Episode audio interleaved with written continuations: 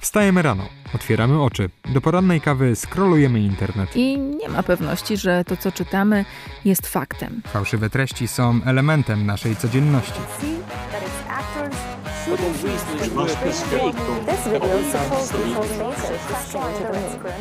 Jak rozpoznać dezinformację? Jakie są jej techniki?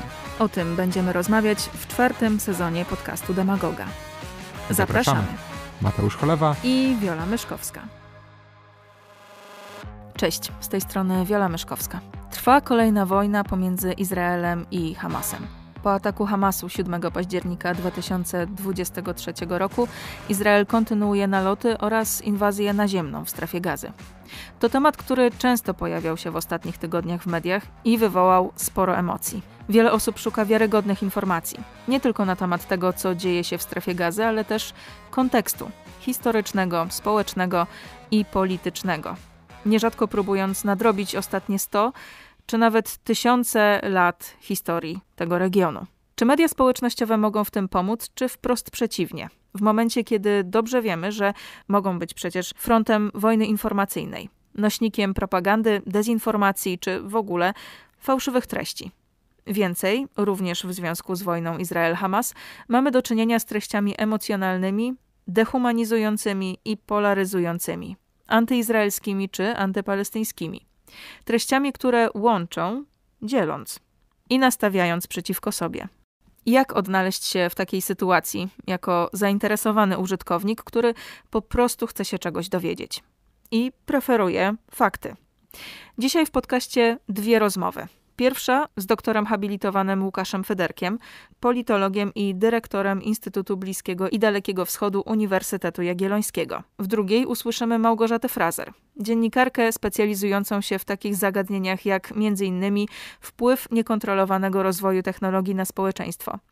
To również autorka strony, podcastu i newslettera Texpresso Cafe. Zaczniemy od rozmowy z doktorem Federkiem, nagranej 8 listopada 2023 roku. Zapytaliśmy o perspektywę badacza, naukowca, który od lat przygląda się polityce, relacjom, konfliktom i w końcu wojnom w tym regionie. Doktor habilitowany Łukasz Federek, dyrektor Instytutu Bliskiego i Dalekiego Wschodu Uniwersytetu Jagiellońskiego. Chciałabym zacząć od takiej kwestii zawiłości tematu, jeśli chodzi o Izrael i Palestynę. Bo troszeczkę jest tak z tym kawałkiem świata, że w momencie, kiedy chcemy o nim opowiedzieć, no to jest wokół niego taka atmosfera tego, że to jest kwestia tak zawiła, tych relacji Palestyny z Izraelem, że trudno ją wyjaśnić na przykład w przekazach medialnych, czy krótko opowiedzieć o co chodzi. Czy faktycznie łatwiej albo trudniej jest wyjaśnić studentom na sali na przykład kwestie Izraela i Palestyny, historię i politykę, na tle innych krajów tego regionu? No, oczywiście, że łatwiej w tym sensie, że jeżeli się ma 30 godzin wykładu, to można to zrobić w sposób może nie tyle łatwiejszy, co pełniejszy, niż mając zazwyczaj 8-10 minut nagrania, czy nawet 15, jeżeli to mówimy o mediach tradycyjnych. Więcej się raczej nie spotyka, bo taka jest też rozpiętość uwagi większości słuchaczy. Jeżeli mamy do dyspozycji dłuższą e, audycję w formacie podcastowym, no to już to jest już e, jakby lepsza możliwość. Więc e, krótko mówiąc, przy złożonych problemach społecznych, tak, więcej znaczy lepiej, odpowiadając pokrótce na, na to pytanie. Natomiast jeżeli mamy te krótkie formy, no, które też są konieczne, no to stajemy przed problemem syntezy i stajemy przed problemem wyboru. I ten wybór jest od razu, ponieważ sprawa jest nadzwyczaj upolityczniona, wybór jest y, no, od razu oceniany z perspektywy politycznej. Sama kwestia, kiedy zacząć narrację, odpowiadania o tym konflikcie. Czy 7 października, czy może e, w 2005 roku, czy może w 1948 roku, prawda? Każdy moment, kiedy rozpoczniemy narrację, mamy zawsze mało czasu bądź mało znaków na rozpoczęcie tej narracji w przekazie popularyzatorskim, nienaukowym, jest już e, nacechowany w jakimś sensie jakimiś wyborami i te wybory mogą być postrzegane jako stronnicze przez jedną bądź drugą stronę sporu izraelsko-palestyńskiego lub przez zwolenników lub sympatyków jednej albo drugiej e, strony e, sporu. Także mamy tutaj czynnik, o którym pani redaktor wspomniała, czyli bardzo wysoki poziom złożoności zagadnienia, ale w odróżnieniu od, nie wiem, na przykład metabolizmu białych krwinek, który też jest złożonym zagadnieniem, o ile mi wiadomo, czy problemów z ogólną teorią względności, które też są złożonym zagadnieniem, to złożone zagadnienie budzi wielkie emocje i polaryzuje odbiorców. Te dwie cechy, czyli złożoność i duży stopień polaryzacji i upolitycznienia zagadnienia, sprawiają, że tak trudno mówić e, akurat o tym zjawisku społecznym. Ja przejdę teraz do takiej kwestii właśnie mówienia o historii tego regionu. Z jednej strony mamy oczywiście historię regionu jako całości, no ale ona też jest opowiadana z różnych punktów widzenia. No i tutaj mamy do czynienia na przykład z takimi wydarzeniami w historii tej współczesnej. Mówię tu na przykład o ostatnich stu latach tego regionu, gdzie mamy te same wydarzenia, które w inny sposób na przykład są nazwane przez historyków palestyńskich i przez historyków izraelskich. W tym momencie, jeśli podchodzimy do kwestii historii jako badacze, gdzie tutaj leży granica pomiędzy faktem a interpretacją danego zdarzenia historycznego? Jak je rozróżnić też z perspektywy takiego zwykłego użytkownika informacji, który siedzi przed telefonem i czyta teraz te wszystkie rzeczy? Jak to sobie, jak czytać takie informacje, żeby sobie to w głowie ułożyć? Moja propozycja rozwiązania tego, tego zagadnienia jest pro, propozycją ujęcia go szerzej. To znaczy, ja tak rozwiązuję. Ja nie, nie twierdzę, że to jest rozwiązanie uniwersalne, ale jeżeli y, mam do czynienia z konfliktem, w którym y, następują, występują dwie różne narracje, i te narracje są nie tylko narracjami politycznymi, ale one również znajdują odbicie w materiałach naukowych, to moją odpowiedzią jest, znaczy ja odpowiedzi szukam w dyscyplinie, którą uprawiam, czyli w politologii porównawczej. Zobaczmy, jak to wygląda w innych konfliktach, mówię, albo zobaczmy, jak to wygląda w innych procesach społecznych, w jakimś sposób, sposób analogicznych do tego, o którym mówimy w danym momencie, czyli w tym przypadku konfliktu palestyńsko-izraelskiego i, i zobaczmy podobieństwa e, z innymi procesami. Tak? W czym ta narracja izraelska przypomina narrację, ale nie palestyńską, tylko wyjdźmy poza e, narrację turecką, polską, brytyjską, e, dotyczącą podobnych problemów. I to jest mój sposób radzenia sobie z tą, e, tą złożonością, ale to nie twierdzę, że jest jedyny sposób. On, on wynika po prostu z mojego treningu i w tej dziedziny nauki, którą uprawiam przede wszystkim, czyli właśnie z politologii porównawczej. I jeżeli mówimy tutaj do problemów narracji historycznych się odwołując w szczególności, o, czym, o, o co pytała pani redaktor, to ja postrzegam te narracje historyczne jako część y, no, narracji nacjonalistycznych, e, część procesu budowania narodów, dwóch narodów, w tym przypadku narodu e, izraelskiego i narodu palestyńskiego, i postrzegam je jako procesy nowoczesne. To jest jeden z paradygmatów patrzenia na nacjonalizmy, który wydaje mi się szczególnie wartościowy do opisu tego konfliktu, czyli patrzymy na narracje historyczne jako na te dostarczające argumentów do tego, żeby zbudować tą ideologię i doktrynę nacjonalistyczną, a ideologia i doktryna nacjonalistyczna są po to, żeby zbudować naród, żeby wspólnocie politycznej dać pewne cechy wspólne, dać, dać jej wspólne emocje, wspólne symbole, wspólne mity, które sprawią, że ta wspólnota y, będzie się cementować. I taki punkt widzenia pozwala z jednej strony zachować dystans, a z drugiej strony no, mieć te, te narzędzia, które pozwalają oceniać poszczególne właśnie narracje czy elementy tych narracji. Mówimy tutaj o używaniu właśnie mitów do tego, żeby zjednoczyć jakąś grupę ludzi. No ale wiemy też, że czasem można przekroczyć te granice i może to posłużyć do tego, żeby nastawić negatywnie, żeby wybrać sobie wrogów, bo znamy z historii również takie przypadki, w których właśnie ten element wspólnego wroga był elementem również tożsamościowo twórczym. Czy to jest coś, co jest powszechne teraz aktualnie w Izraelu i w Palestynie, jeśli spojrzymy właśnie na te mity nacjonalistyczne?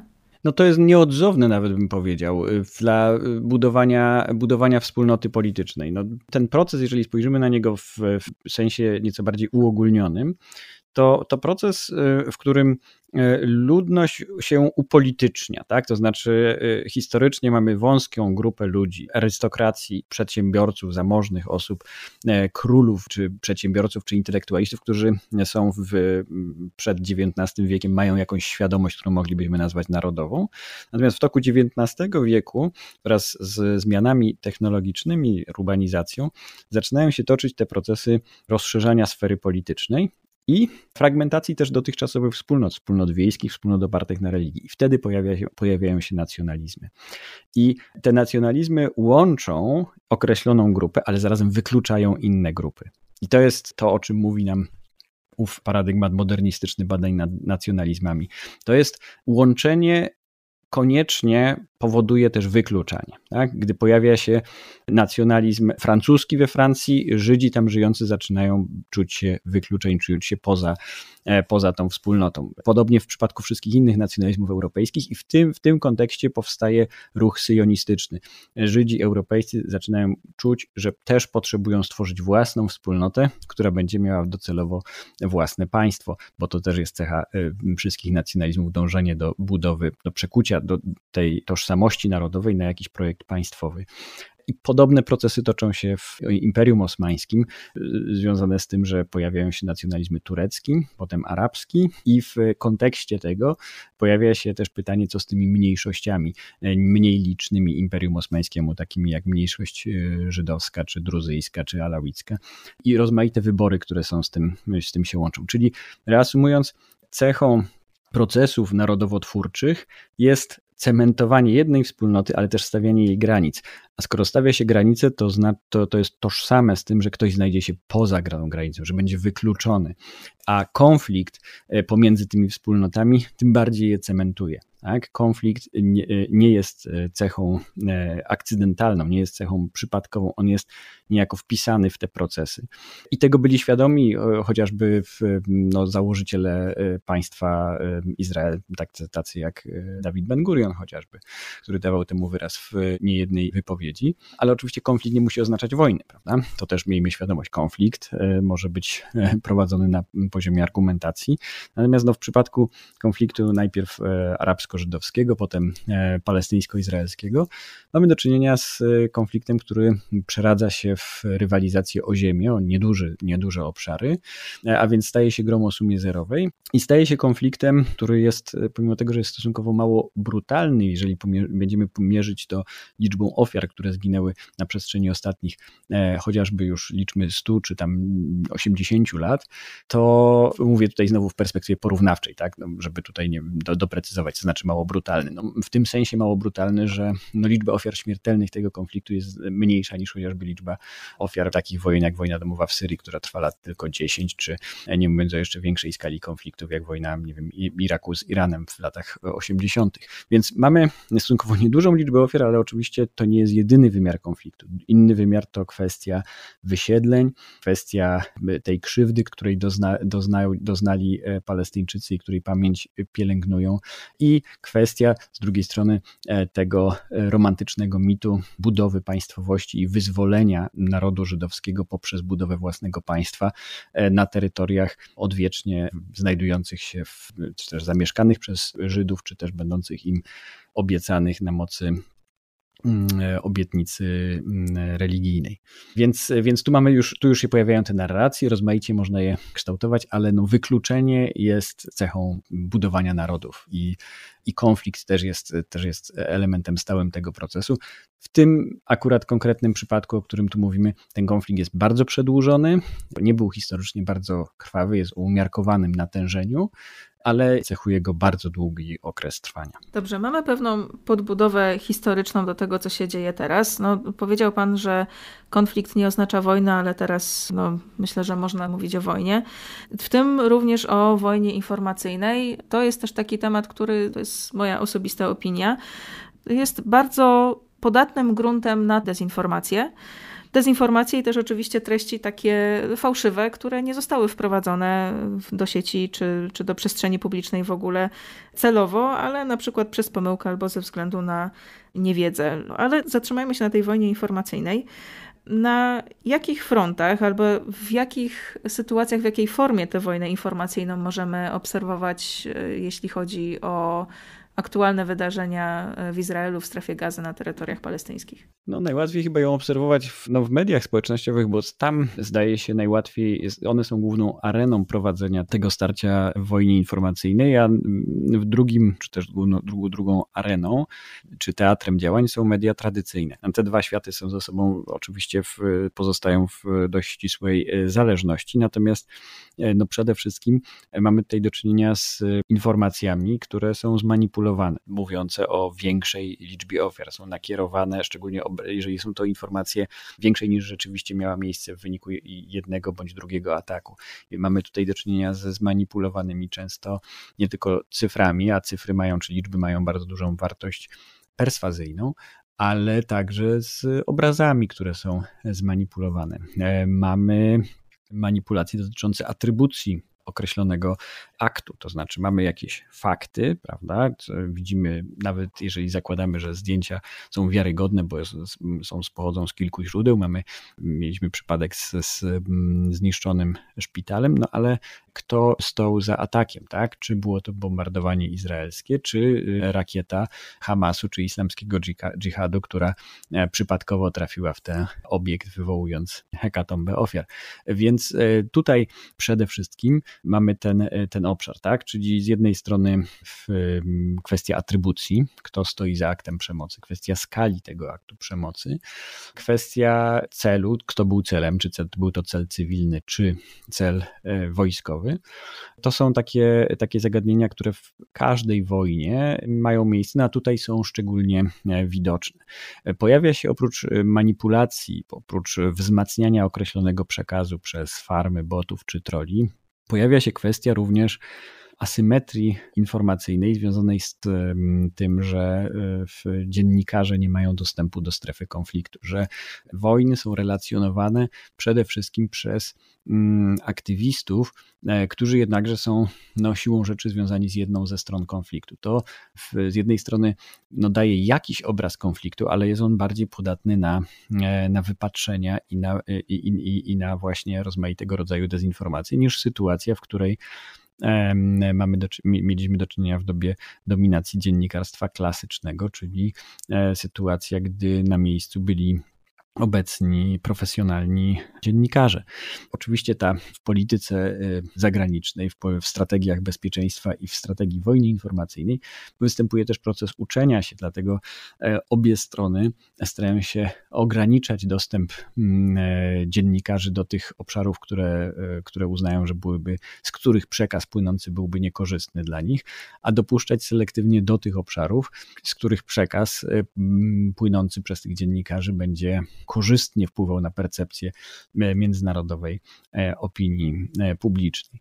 I skoro przy międzynarodowej opinii publicznej jesteśmy tutaj, no to no pamiętajmy, że to zjawisko, o którym mówimy, zjawisko właśnie globalnej opinii publicznej jest kwestią bardzo istotną w dobie dzisiejszej, w dobie współzależnych stosunków międzynarodowych, warunkującą czy też mogącą przesądzać o powodzeniu bądź niepowodzeniu planów politycznych każdej ze stron konfliktu. No jeżeli nie było wcześniej czegoś takiego jak jak e, globalna opinia publiczna. Nie było nie było potrzeby prowadzenia wojny informacyjnej w takim wymiarze, jakim jest prowadzona teraz, czyli w wymiarze, której celem jest dotarcie nie tylko do decydentów, bo pamiętajmy, że pewne wymiary wojny informacyjnej to dezinformacja, która ma trafić do decydentów, do tych, którzy podejmują decyzje strategiczne, taktyczne czy operacyjne na polu walki. Ale ona nas mniej dotyka jako odbiorców tu w Polsce z dala od konfliktu. To, co nas dotyka, no to jest właśnie ta y, dezinformacja, która jest nakierowana na rezonans wśród y, nie wąsko stargetowanych decydentów, tylko szerokich mas społecznych, a te masy społeczne mają, swój, mają swoje e, znaczenie z tej racji, że w społeczeństwach demokratycznych wpływają na, na decyzje polityczne. No, przypomnijmy, że pierwsza e, w historii interwencja humanitarna miała miejsce pod koniec XIX wieku, tuż obok aktualnie toczących się walk, czyli w Libanie. Był to moment, w którym francuska opinia publiczna, w jakimś sensie dowiedziawszy się od swoich reporterów o masakrze libańskich maronitów przez siły osmańskie, wymusiła, czy też na, na, na Francji, wysłanie korpusu interwencyjnego właśnie do, e, do Libanu, co miało potem daleko idące konsekwencje. Ale no, pokazuje to po to, żeby, żebyśmy sobie w jakimś sensie z zdali sprawę, że to, że jesteśmy przedmiotem tych działań dezinformacyjnych, czy też mm, celem tych działań dezinformacyjnych, jest też efektem upodmiotowienia ludu, czy też sprawczości, którą mamy jako, jako opinia publiczna w sprawach międzynarodowych. Właśnie się zastanawiam, co w tej kwestii mogłoby to oznaczać, bo na tyle, na ile rozumiem opinię międzynarodową, teraz jeśli chodzi o ONZ i tego typu organizacje, raczej jest nawoływanie przede wszystkim o wstrzymanie ognia. To jest oczywiście bardzo realistyczne żądanie. A czy mogłoby to na przykład iść w stronę tego, że Unia Europejska na przykład usuwa Hamas z listy organizacji terrorystycznych, bo wiemy, że oczywiście Hamas na tej liście jest, ale jeśli wczytamy się na przykład w przekazy medialne czy przekazy w mediach społecznościowych, to podkreślana jest inna rola Hamasu, czyli na przykład organizacji politycznej, albo jest określana też e, jako ruch oporu. Na Al Jazeera jest określany Hamas jako ruch oporu. Mamy organizację, która nam się kojarzy na Zachodzie bardzo jednoznacznie z terroryzmem. Mamy teraz dostęp do różnych stron, które w różny sposób opisują e, te organizacje. I czy to może zaowocować zmienieniem definicji tej organizacji albo naszego spojrzenia na Hamas i te, na tę organizację, które w efekcie będzie przekładało się na działania na szczeblu międzynarodowym i rządowym? No dobrze, to odpowiadając na pytanie, na pytanie o Hamas. Nasza kognicja, nasze postrzeganie Hamasu, y, w większości z nas, którzy nie zajmują się tym problemem, było rzeczywiście przez pryzmat organizacji terrorystycznej. Ale to, że ta organizacja ma więcej wymiarów niż organizacja terrorystyczna, nie zmienia faktu, że ona nadal organizacją terrorystyczną pozostaje. Prawdą jest, że, że Hamas jest też organizacją o charakterze ruchu oporu, no bo ten terroryzm ma swój cel polityczny. Tym celem politycznym jest e, nie tworzenie kalifatu, e, jak bywało w przypadku innym, e, innych organizacji terrorystycznych, tylko opór przeciwko Izraelowi. I cele polityczne Hamasu zakładają usunięcie w ogóle państwa Izrael, co jest y, zapisane w karcie, więc y, tego, tego ugrupowania. Więc natomiast jest to też organizacja, która ma swój, swój, swój komponent medialny, ma swój komponent też związany z przestępczością zorganizowaną, ma swój komponent związany z dobroczynnością i wreszcie ma dwa jeszcze szczególnie istotne komponenty. Jeden z nich to jest to, że jest to też partia polityczna. Tak? Partie polityczne służą reprezentacji interesów, reprezentacji, agregacji i artykulacji określonych interesów i Hamas też to robi w, w przestrzeni palestyńskiej, ale robi to też jako partia będąca partią władzy, na tym, e, e, na tym e, quasi państwowym obszarze palestyńskim, jakim jest Gaza. Jest to partia rządząca w sposób autorytarny, quasi państwem. Więc te wszystkie warstwy opowiadają o jakiejś historii Hamasu i dodają jakby do naszej wiedzy, do, do kognicji tego, czym Hamas jest. Teraz od tej kognicji, od postrzegania przechodzimy do ewaluacji, tak? co z tym powinniśmy zrobić, jak powinniśmy go oceniać i no nie widzę w tym momencie momencie przestrzeni do tego, żeby Europa zmieniła definicję Hamasu, bo to, że opinia publiczna dowiaduje się o Hamasie więcej, nie unieważnia tego, co zostało podkreślone jeszcze w toku wydarzeń 7 października, że jest to też organizacja terrorystyczna. I dlatego nie sądzę, żeby realistycznym było oczekiwanie zmiany definicji e, ze strony Europy. E, natomiast definicja Hamasu to jedno, a druga kwestia, no to, no to pytanie o alternatywy. I tutaj alternatywy trudno wskazać w ujęciu krótkoterminowym, e, natomiast no, można powiedzieć, co jest ideałem, do którego należy dążyć, w, czyli ideałem jest funkcjonowanie e, dwóch zazwyczaj kończy się ta dyskusja na mówieniu o rozwiązaniu dwupaństwowym, dwóch państw obok siebie, państwa palestyńskiego i państwa izraelskiego. W mojej ocenie to nie jest rozwiązanie, które gwarantuje pokój.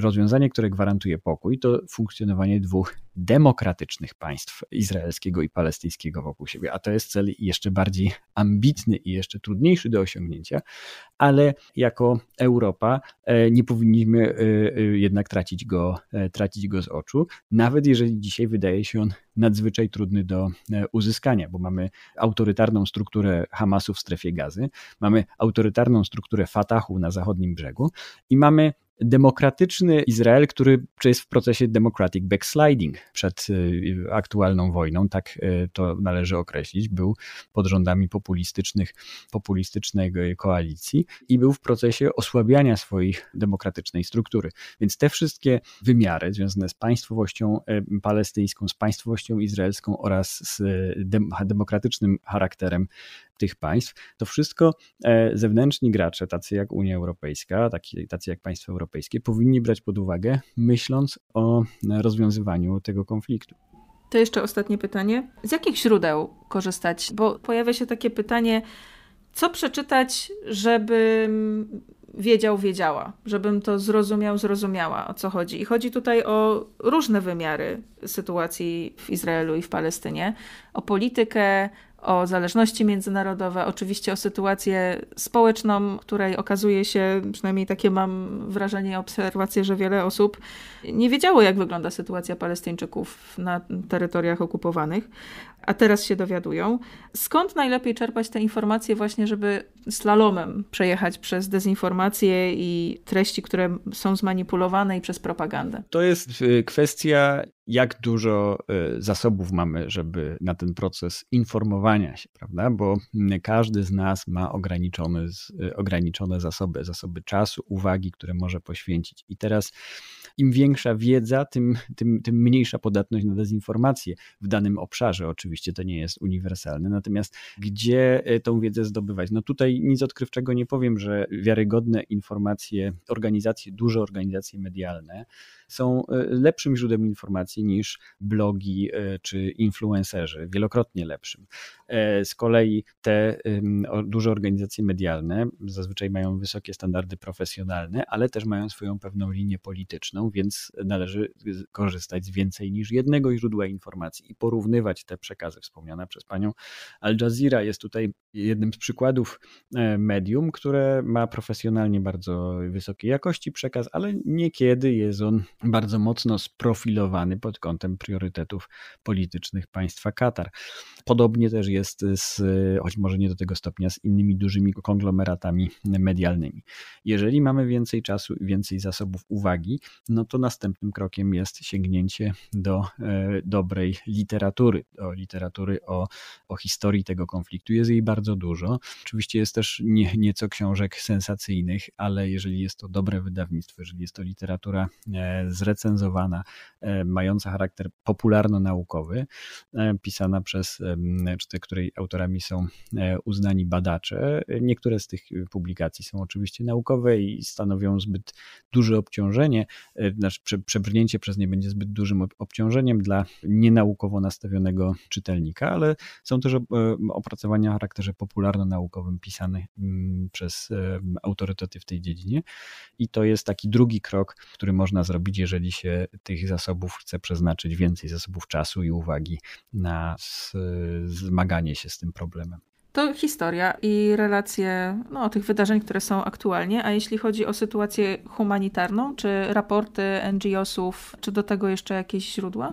No, organizacje systemu ONZ są zazwyczaj y, uznawane za najbardziej wiarygodne. W tym akurat konflikcie, znaczy nie jest to znowu cecha wyjątkowa y, tego konfliktu, bo, bo to się często zdarza, że y, któraś ze stron konfliktu, której, która znajduje raporty y, ONZ-u jako niekorzystne dla swoich interesów, oprotestowuje je i wskazuje, że są one politycznie niezbilansowane. No i tak mamy też w tym konflikcie, czyli raporty rozmaitych agent ONZ-u są opisywane przez dyplomatów izraelskich ostatnio i przez polityków e, rządzących w Izraelu jako e, mało wiarygodne. No niemniej jednak, e, póki co nic lepszego niż organizację systemu ONZ nie wymyśliliśmy, więc ja uważam, że, że, że jest to źródło o wysokim stopniu wiarygodności, choć należy też zwracać uwagę na krytykę izraelską i w, w, nie traktować jej jako en bloc i przekreślać tych źródeł, ale zwracać uwagę na które zapisy czy które oceny ONZ-owskie Izrael poddaje w wątpliwość i te traktować z większym dystansem. Natomiast, no, tak jak powiadam, z organizacji pozarządowych, no to te, które funkcjonują na poziomie międzynarodowym w systemie ONZ wydają się mieć najwyższy poziom wiarygodności ciągle. Jak już wspomniałam, porozmawialiśmy też z Małgorzatą Frazer, dziennikarką i filozofką zajmującą się technologią. Publikuje w ramach projektu texpresso.cafe, publikuje artykuły na stronie o tym adresie, ale tworzy też podcasty oraz newsletter. Porozmawiałyśmy o tym, jakie przejawy wojny informacyjnej są widoczne w mediach społecznościowych w kontekście wojny oraz o tym, jak z fałszywymi czy polaryzującymi treściami radzą sobie platformy. Rozmowę nagraliśmy 16 listopada 2023 roku. Dużo dowiadujemy się na ten temat z mediów społecznościowych, tak mi się wydaje, przynajmniej ja do takiej bańki informacyjnej wpadłam. Przekazywane jest mnóstwo informacji. Oczywiście media też o tej wojnie piszą, rozpisują się, dyplomaci zabierają głos i tak dalej, i tak dalej. Jest sporo tego tematu przed naszymi oczami, jeśli interesujemy się sprawami, które dzieją się na świecie, to na pewno. Jest to jeden z pierwszych tematów, które widzimy przed oczami. W takiej sytuacji oczywiście wiemy, że front wojenny nie jest tylko na polu bitwy, ale które jest tak w sensie fizycznym, ale to jest też oczywiście wojna informacyjna. Jest to wojna informacyjna, która oczywiście dzieje się i toczy się też w mediach społecznościowych, czyli na takiej platformie, do której sięgamy po prostu bardzo często, jeśli nie najczęściej w niektórych przypadkach. I jakie widzisz przejawy tej wojny informacyjnej w mediach społecznościowych i jak sobie stara się, albo czy radzi sobie w ogóle, radzą sobie platformy z takimi przejawami na przykład dezinformacji czy fałszywych treści w ogóle? To znaczy, to pytanie jest tak złożone jak e, cała kwestia wokół wojny mm, w strefie gazy, bo po 7 października, kiedy Hamas zaatakował Izrael, w zasadzie już kilka godzin po tym ataku, mieliśmy do czynienia z rozmaitymi fake newsami, e, przejawami dezinformacji i inną aktywnością w mediach społecznościowych która dzisiaj jest już rozmiarów absolutnie gigantycznych. To jest fala dezinformacji i manipulacji, którą w podobnym wymiarze obserwowaliśmy chyba tylko i wyłącznie po inwazji Putina na Ukrainę i tuż przed nią, gdzie żyliśmy w takiej w zasadzie mgle informacyjnej i e, trudno było dowiedzieć się, co jest prawdą, co jest fałszem, co jest e, porządną analizą, a co jest e, jakąś prywatną opinią kogoś, kto podaje się za analityka. I można na szczęście wyróżnić takie główne wektory tego, co się dzieje. Można je przypisać do e, poszczególnych również stron, bo tutaj trzeba powiedzieć, że narzędziami wchodzącymi w zakres działań w sferze informacyjnej posługują się obie strony. Obie strony rozumiane bardzo szeroko, bo z jednej strony mamy oczywiście Izrael, z drugiej strony mamy Hamas e, i Palestynę. Celowo rozdzielam te dwa podmioty, bo Hamas nie równa się Palestyna, Palestyna nie równa się Hamas, jak to pojawia się w licznych komentarzach od e, ekspertów. Wiemy dobrze, że e, Polacy są ekspertami od wszystkiego i mówię tutaj o ekspertach w cudzysłowie, którzy zrównują Hamas e, z Palestyńczykami. Narzędziami sfery informacyjnej, manipulacji w sferze informacyjnej posługują się też obserwatorzy tej wojny. Obserwatorzy tacy jak Rosja, jak Chiny, jak Iran, bo to są państwa, które e, mają na niej swoje interesy do wygrania, mimo że nie są w nią bezpośrednio zaangażowane.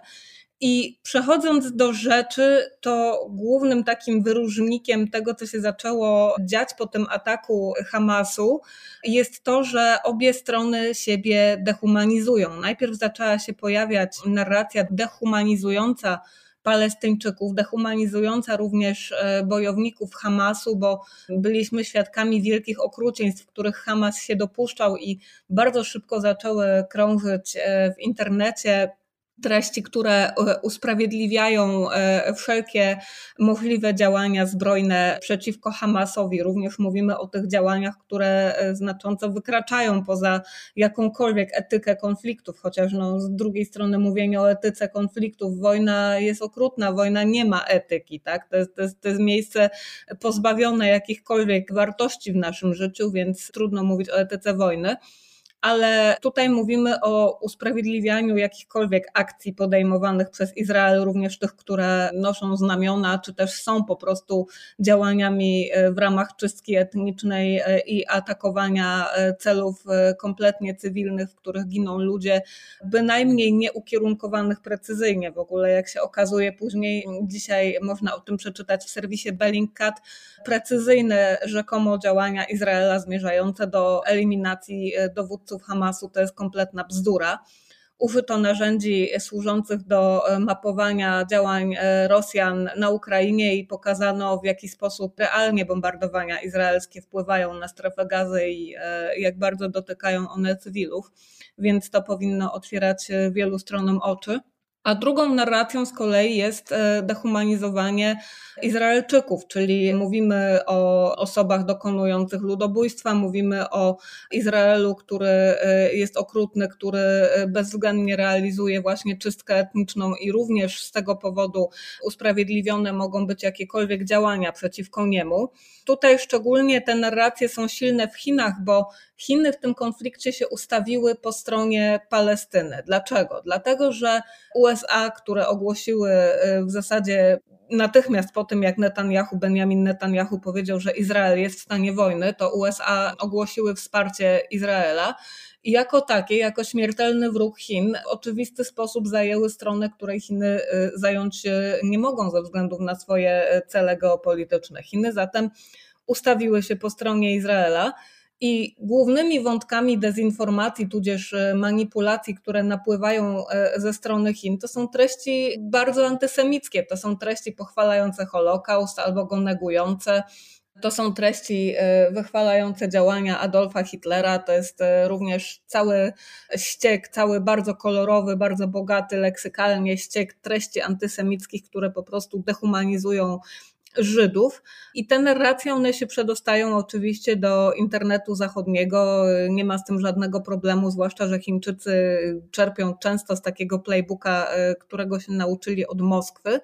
No a Moskwa oczywiście również ma tutaj swój udział i łączy w pewnym sensie to, co się dzieje w Palestynie, to, co się dzieje w strefie gazy z tematem dotyczącym wojny na Ukrainie. I to są e, rzeczy, które e, absolutnie byśmy temu nie dawali wiary, ale skoro y, były osoby, y, o których wiemy, dające wiarę w to, że to 5G wywołuje y, COVID-19, jest nośnikiem koronawirusa, to myślę, że są i osoby, które wierzą w narrację Putina o tym, że Hamas pozyskał broń od Ukrainy i od Zełęńskiego, prawda? Jednym z ludzi, którzy takie wpisy podawali dalej, był Dmitrij Miedwiediew i, i to jak najbardziej w internecie krążyło. Pytałaś mnie też o to, co się dzieje, jeżeli chodzi o platformy społecznościowe.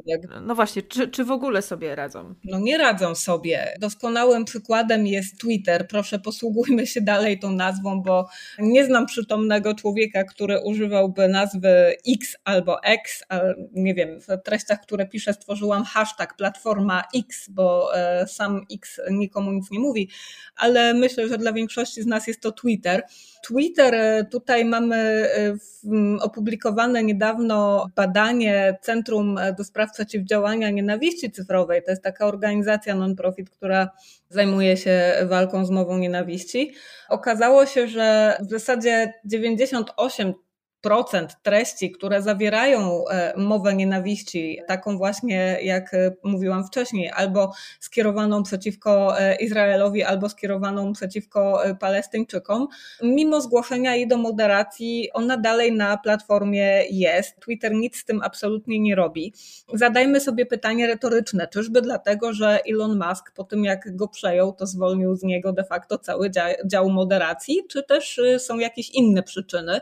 Na przykład przykład taki, że e, sam Elon siebie określa jako absolutystę wolności słowa, tak? I e, być może dla niego treści antysemickie albo e, treści odbierające prawa człowieka Palestyńczykom to są jak najbardziej dopuszczalne w granicach debaty publicznej. Jeżeli tak jest, to istotnie nie chcę w takiej debacie uczestniczyć, tylko że niestety muszę tam być ze względów zawodowych ale platformy nie radzą sobie z tym, bo tak jak to Centrum do Spraw Przeciwdziałania Nienawiści e, Cyfrowej e, napisało w swoim ostatnim raporcie, ze zgłoszonych do moderacji Twittera 200 wpisów jedynie w stosunku do czterech podjęto jakieś działania. Tak? Cztery wpisy zostały usunięte, cała reszta e, na, na Twitterze pozostała. I tutaj znowu mówimy o treściach e, chociażby pochwalających e, Holokaust albo zachęcających wprost do ludobójstwa, tak? po obu stronach.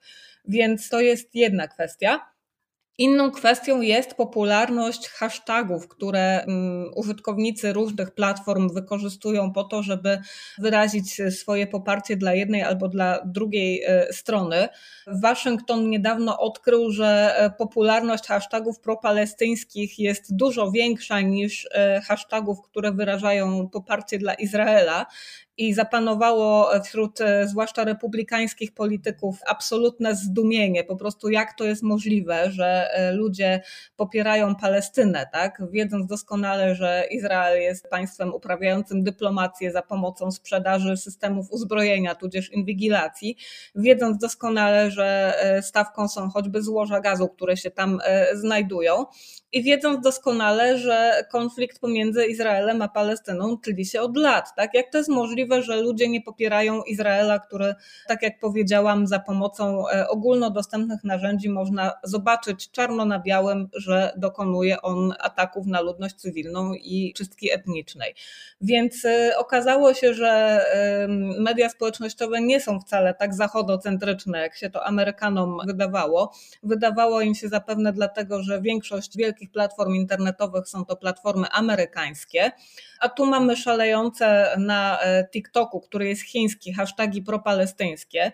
Oczywiście zaraz e, chwycono się tego argumentu jako kolejnej wskazówki na temat tego, że TikTok pierze Amerykanom mózgi, literalnie tak to ujęto, ale potem okazało się, że te e, hasztagi propalestyńskie są równie popularne na Instagramie i na Facebooku, które są przecież amerykańskie. Więc ze zdumieniem przyjęto fakt, że olbrzymia część użytkowników mediów społecznościowych to są muzułmanie i raczej muzułmanie no, nie będą popierali Izraela, tak, jeżeli mówimy o takim konflikcie. Więc myślę, że dla białych panów w kongresie e, amerykańskim było to pewne otrzeźwienie i jakaś próba nawiązania z nimi kontaktu przez rzeczywistość, że jednak świat nie jest taki, jakim się jawi. I nie wszyscy postępują w sferze publicznej, w sferze internetowej zgodnie z wytycznymi ostatnich sojuszy politycznych Stanów Zjednoczonych. Mówimy tutaj o tych hashtagach pro, a jeśli chodzi o te hashtagi anty, też jest taka dysproporcja w mediach społecznościowych? Przede wszystkim jest e, brak reakcji, bo e, tak jak mówiłam wcześniej, e, mamy do czynienia z mową nienawiści, która pojawia się po obu stronach. Mamy do czynienia z wykorzystaniem tej przestrzeni internetowej do w tym momencie walki politycznej przez wszystkie strony zainteresowane tym konfliktem. I mówimy tutaj, przypomnę, nie tylko o Izraelu i o Palestynie, ale także o krajach, które po prostu widzą jakby swój cel w obecności w internecie i, i dezinformowaniu na ten temat. Przypomnę, że takimi głównymi podmiotami, które widzą swój interes w manipulacji sferą opinii publicznej, czy też e, cyfrową infosferą, to są Iran, Chiny i Rosja. I wszystkie te kraje mieszają się e, do tego, żeby mm, brać udział w tej wojnie informacyjnej, bo tak myślę, że mamy tutaj e, wojnę informacyjną. Dane jednej z izraelskich firm, tutaj e, zaznaczam celowo, że jest to firma izraelska, bo to może rzucać dosyć podejrzane światło na wiarygodność tych danych, ale mimo wszystko je zacytujmy. Więc e, izraelska firma e, Ciabra podała, że od początku eskalacji konfliktu w social mediach zaobserwowała około 40 tysięcy aktywnych kont botów, które angażowały się w rozsiewanie dezinformacji antyizraelskiej. Więc stwierdzili oni też, że te konta są powiązane z y, Iranem głównie. Iran, czyli śmiertelny wróg y, Tel Awiwu. Y, Iran... Zero zaskoczeń. Tak, zero zaskoczeń. Iran, który również ma swoje interesy z Rosją, bo przecież wiemy o irańskich dronach na Ukrainie, które były wykorzystywane przez Rosjan. I mówimy tutaj przede wszystkim o treściach, które są bardzo emocjonalnie e, nacechowane. To są często jakieś fałszywe informacje, to są skrajnie stronnicze e, opinie. I to są e, treści, które są wzmacniane przez taką sieć. Tak? Coś się może pojawić od jednego skąd, a następnie 40 tysięcy innych profili w mediach społecznościowych poda to dalej, wyamplifikuje ten przekaz i będziemy mieli w ten sposób do czynienia z eskalacją obecności treści, które w wypadku tych konkretnych materiałów mogą przekładać się na akty agresji w realnym świecie i to wcale daleko od strefy gazy, bo można powiedzieć, że te operacje informacyjne realizowane przez Iran, one przekładają się na akty agresji e, wobec e, osób mieszkających również z dala od rejonu, w którym mamy aktywny konflikt. Tak? To jest po prostu w tym momencie jawnie e, podburzanie antysemityzmu, który jest obecny na całym świecie. Natomiast eksperci wskazują, że zmasowany charakter tych operacji, on może przełożyć się przede wszystkim na eskalację tego konfliktu szerzej na świat muzułmański. To jest bardzo niebezpieczna sytuacja, bo to jest moment, w którym przez to, w jaki sposób wyglądają sojusze międzynarodowe, my możemy się uwikłać w ten konflikt absolutnie wszyscy, tak? bo Polska na przykład również jest krajem, który y, ma bardzo silny sojusz y, ze Stanami Zjednoczonymi i w tym momencie y, warto przypomnieć sobie o obecności polskich żołnierzy w licznych akcjach zbrojnych, które, które Stany Zjednoczone już prowadziły na Bliskim Wschodzie. Istnieje więc spora szansa, że ci żołnierze znowu się tam znajdą, tak? w ramach właśnie sojuszniczej pomocy.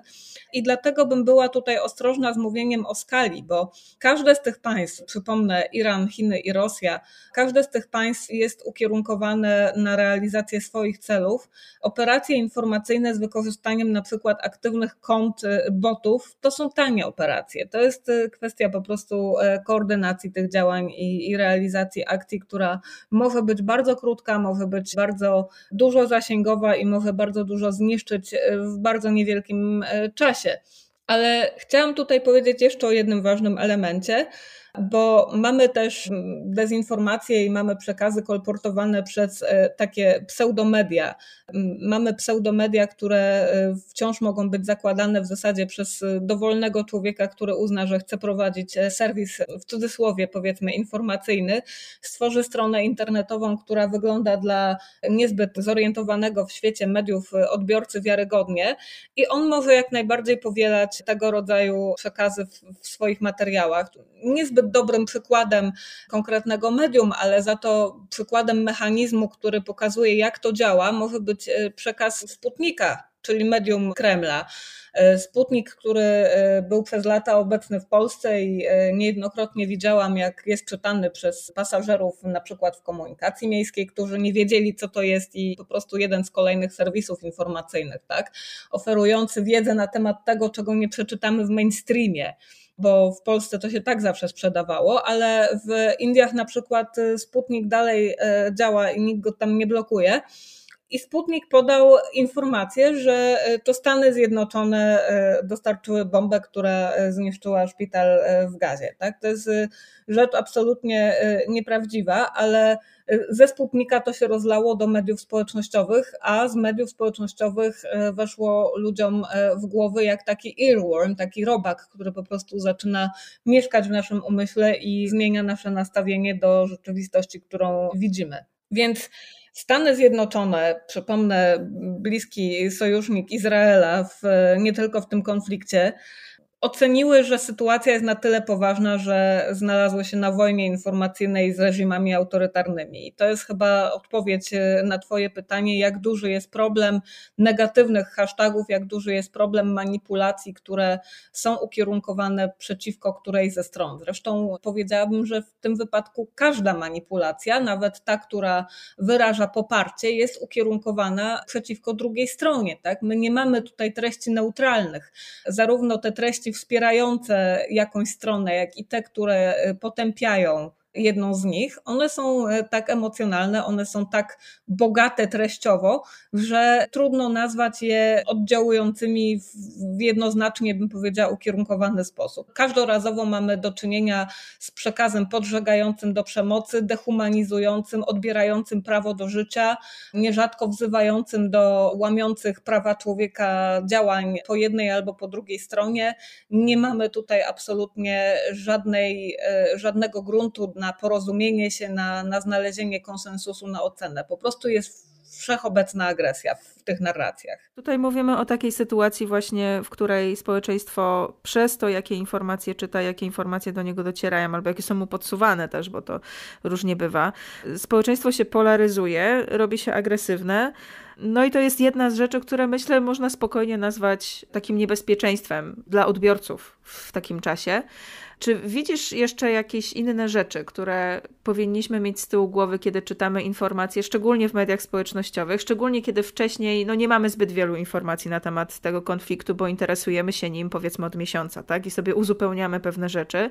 Co trzeba mieć z tyłu głowy w momencie, kiedy właśnie zbieramy wiedzę, informacje na ten temat z mediów społecznościowych? Zazwyczaj doradzam zdystansowanie się wobec emocji, bo przede wszystkim treści, z którymi się spotykamy, są nacechowane emocjonalnie. Tutaj mówimy zarówno o e, treściach dotyczących konfliktu, jak i tego, w jaki sposób relacjonują e, go media. Jest bardzo wiele emocji wobec stronniczości mediów i e, przekazów, które te media powielają. Ja się wcale nie dziwię, bo media w tym momencie również są w pewnym sensie stroną tego konfliktu. Tak? Mówimy tutaj o mediach, które mają swoje interesy biznesowe, mówimy o mediach, które mają zależności polityczne, e, wydawcy poszczególnych serwisów czy tytułów nie są osobami żyjącymi w próżni. Jeżeli chcą, żeby ich firma sprawnie i dobrze sobie radziła i starczyło na wypłatę dla dziennikarzy, no to wiadomo, że będą pisać w taki sposób, w jaki wymaga tego powiedzmy główny sponsor albo po prostu cały ten układ zależności, w którym funkcjonują. Tak? I, i to jest niestety coś, co musimy sobie uświadomić. To jest coś, co niestety też funkcjonuje w Polsce, a może zwłaszcza funkcjonuje w Polsce, bo e, jak często powtarzam, w Polsce e, niezależnych mediów ze względu na ich kiepską kondycję finansową, e, kadrową, intelektualną po prostu nie ma.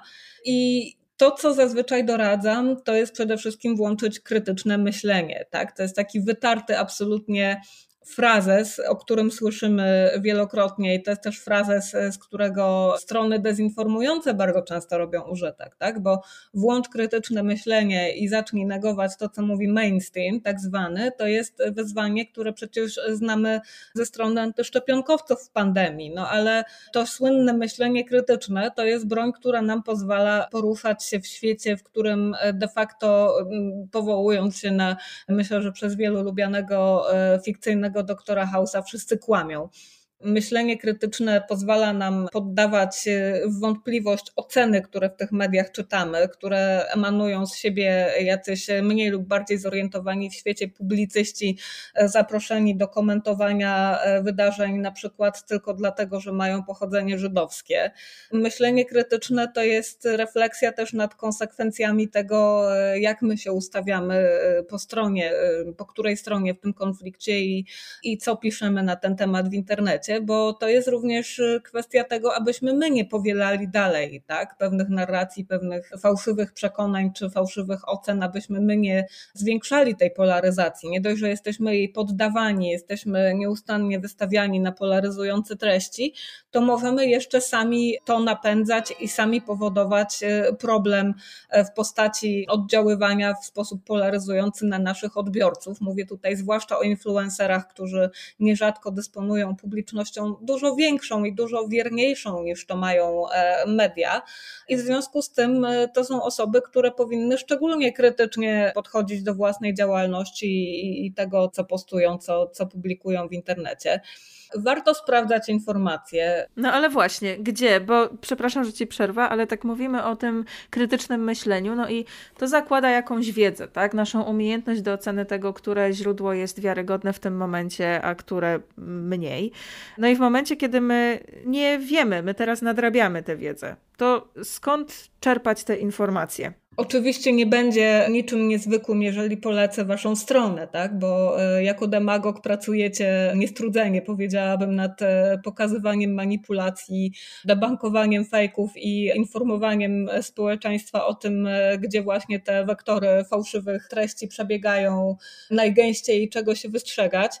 Robicie bardzo fajną robotę na Instagramie, więc kto nie ma czasu wchodzić na stronę, to oczywiście poleciłabym wasze konto na Instagramie, bo tam jest tego naprawdę dużo ale jeżeli e, nie demagog, to można na przykład korzystać e, ze strony CEDMO, czyli Środkowoeuropejskiego Obserwatorium Mediów Cyfrowych. To jest projekt, który ma też swoją witrynę dostępną po polsku i tam też pojawiają się treści dotyczące wojny w gazie chociaż na tej anglojęzycznej stronie jest więcej i tam na przykład mamy analizy poszczególnych materiałów graficznych, bo wątek, o którym chciałam jeszcze powiedzieć, zanim zadałaś mi to pytanie, to jest wojna, którą my, druga w zasadzie wojna, którą tak silnie przeżywamy w internecie, a w internecie najbardziej emocje budzą wizualia, czyli zdjęcia, filmy, materiały graficzne. I tuż po ataku Hamasu to właśnie obrazy, zdjęcia zaczęły służyć do manipulacji. Widzieliśmy w pewnym momencie, debankowała to agencja Reutera, Widzieliśmy zdjęcia z konfliktu w gazie z lat 2014-16, które były podawane za e, zdjęcia z wydarzeń e, mających miejsce aktualnie. I oczywiście jest to bardzo emocjonalny przekaz, bo przekaz wizualny z wojny zawsze jest emocjonalny, tak? Więc osoby, które po prostu nie e, poświęcają czasu na weryfikację tych informacji, tylko podają wszystko dalej, tak jak widzą i rezonują z tym przede wszystkim emocjami, nie rozumem, no to będą w tym momencie powielały e, te dezinformacje. Oczywiście, że trudno jest prowadzić weryfikację informacji na bieżąco samemu, zwłaszcza, że większą, większa część użytkowników mediów społecznościowych no niestety ma FOMO. I jak się ma FOMO, to się niczego nie weryfikuje, bo się po prostu skroluje i konsumuje coraz więcej, więc może warto do tej właśnie diety informacyjnej dołożyć sobie strony fact-checkingowe, dołożyć sobie konta fact-checkerów na Instagramie. I tutaj tak jak wspomniałam, to jest Demagog, to jest Cedmo, to jest AFP Sprawdzam, to są poszczególne e, osoby na Twitterze, e, dziennikarze śledczy, którzy też się zajmują debankowaniem fejków, to jest serwis Bellingcat, to są wszystko miejsca, gdzie możemy e, zobaczyć, e, jak bardzo manipulują nami e, zainteresowani tym aktorzy. Są też influencerzy, którzy zajmują się e, debankowaniem fake newsów na temat tej wojny i starają się rzetelnie na jej temat informować. I tutaj taką osobą, która zasługuje na dużo więcej uwagi e, niż ma, a właśnie zajmuje się chociażby pokazywaniem manipulacji płynących ze strony Izraela, jest osoba prowadząca profil Smutna Pomarańcza. To jest e, dziewczyna, która jako pierwsza pokazała na polskim Instagramie, jak manipulujące emocjami odbiorców e, wideo zamieszczają e, siły obronne Izraela e, i jak bardzo Izrael chce oddziaływać w tej infosferze na widzów tych treści w internecie, również też posługując się generatywną sztuczną inteligencją. Tutaj mieliśmy taki przykład, że w Tel Awiwie był plakat wyrażający poparcie dla, dla sił zbrojnych, sił obronnych Izraela, właśnie wygenerowany przez sztuczną inteligencję. Druga strona nie pozostaje dłużna, bo sztuczna inteligencja po drugiej stronie posłużyła do przedstawienia e, ofiar e, izraelskich nalotów. To też było bardzo takie emocjonalne. Póki co nie widzieliśmy wielkich deepfake'ów e, wykonanych przy użyciu AI, natomiast można powiedzieć, że zdecydowanie ta sztuczna inteligencja jest narzędziem propagandy i, i jako taka też pewnie będzie ciekawym zjawiskiem. No ale powtórzę, przede wszystkim e, dodać do diety informacyjnej e, strony i osoby, które podchodzą do tej wojny na chłodno, strony fact-checkerów, również ich konta na Instagramie, profile organizacji fact-checkingowych, przypomnę jeszcze raz CEDMO, Demagog, AFP Sprawdzam, różne inne profile, które zajmują się e, debankowaniem informacji, jak i media, takie jak Bellingcat czy Outriders. To są serwisy, gdzie można znaleźć rzetelne informacje na temat e, tego konfliktu i to są również strony, które widzą, jak bardzo dzisiaj informacje są manipulowane przez strony e, polityczne, jak i biznesowe. Można dopisać do tych źródeł również podcast, newsletter oraz stronę texpresso.cafe, na której ukazują się artykuły Małgorzaty Frazer, dziennikarki oraz naszej gościni jak rozwinie się sytuacja w Izraelu i Palestynie, jak zmieni się ten region i ludzie, którzy go zamieszkują. Przekonamy się. A jeśli chodzi o pozyskiwanie informacji na ten temat, ze swojej strony mogę tylko powtórzyć to, co zawsze powtarzam w podobnych przypadkach, aby sprawdzać źródła, z których korzystamy, zastanowić się, zanim podamy coś dalej i nie pozwolić, aby negatywne emocje wzięły górę, bo to również jest jednym z celów dezinformacji. To wszystko w tym podcaście Demagoga. Słyszymy się za tydzień w prasówce z dezinformacji, a w międzyczasie zapraszamy na demagogowego Facebooka, TikToka, Instagrama, Twittera bądź Xa oraz na naszą stronę internetową. Jeśli chcecie wspierać naszą działalność, można to robić przez Patronite. Za dotychczasowe wsparcie każdego rodzaju bardzo dziękujemy. Wiola Myszkowska, do usłyszenia.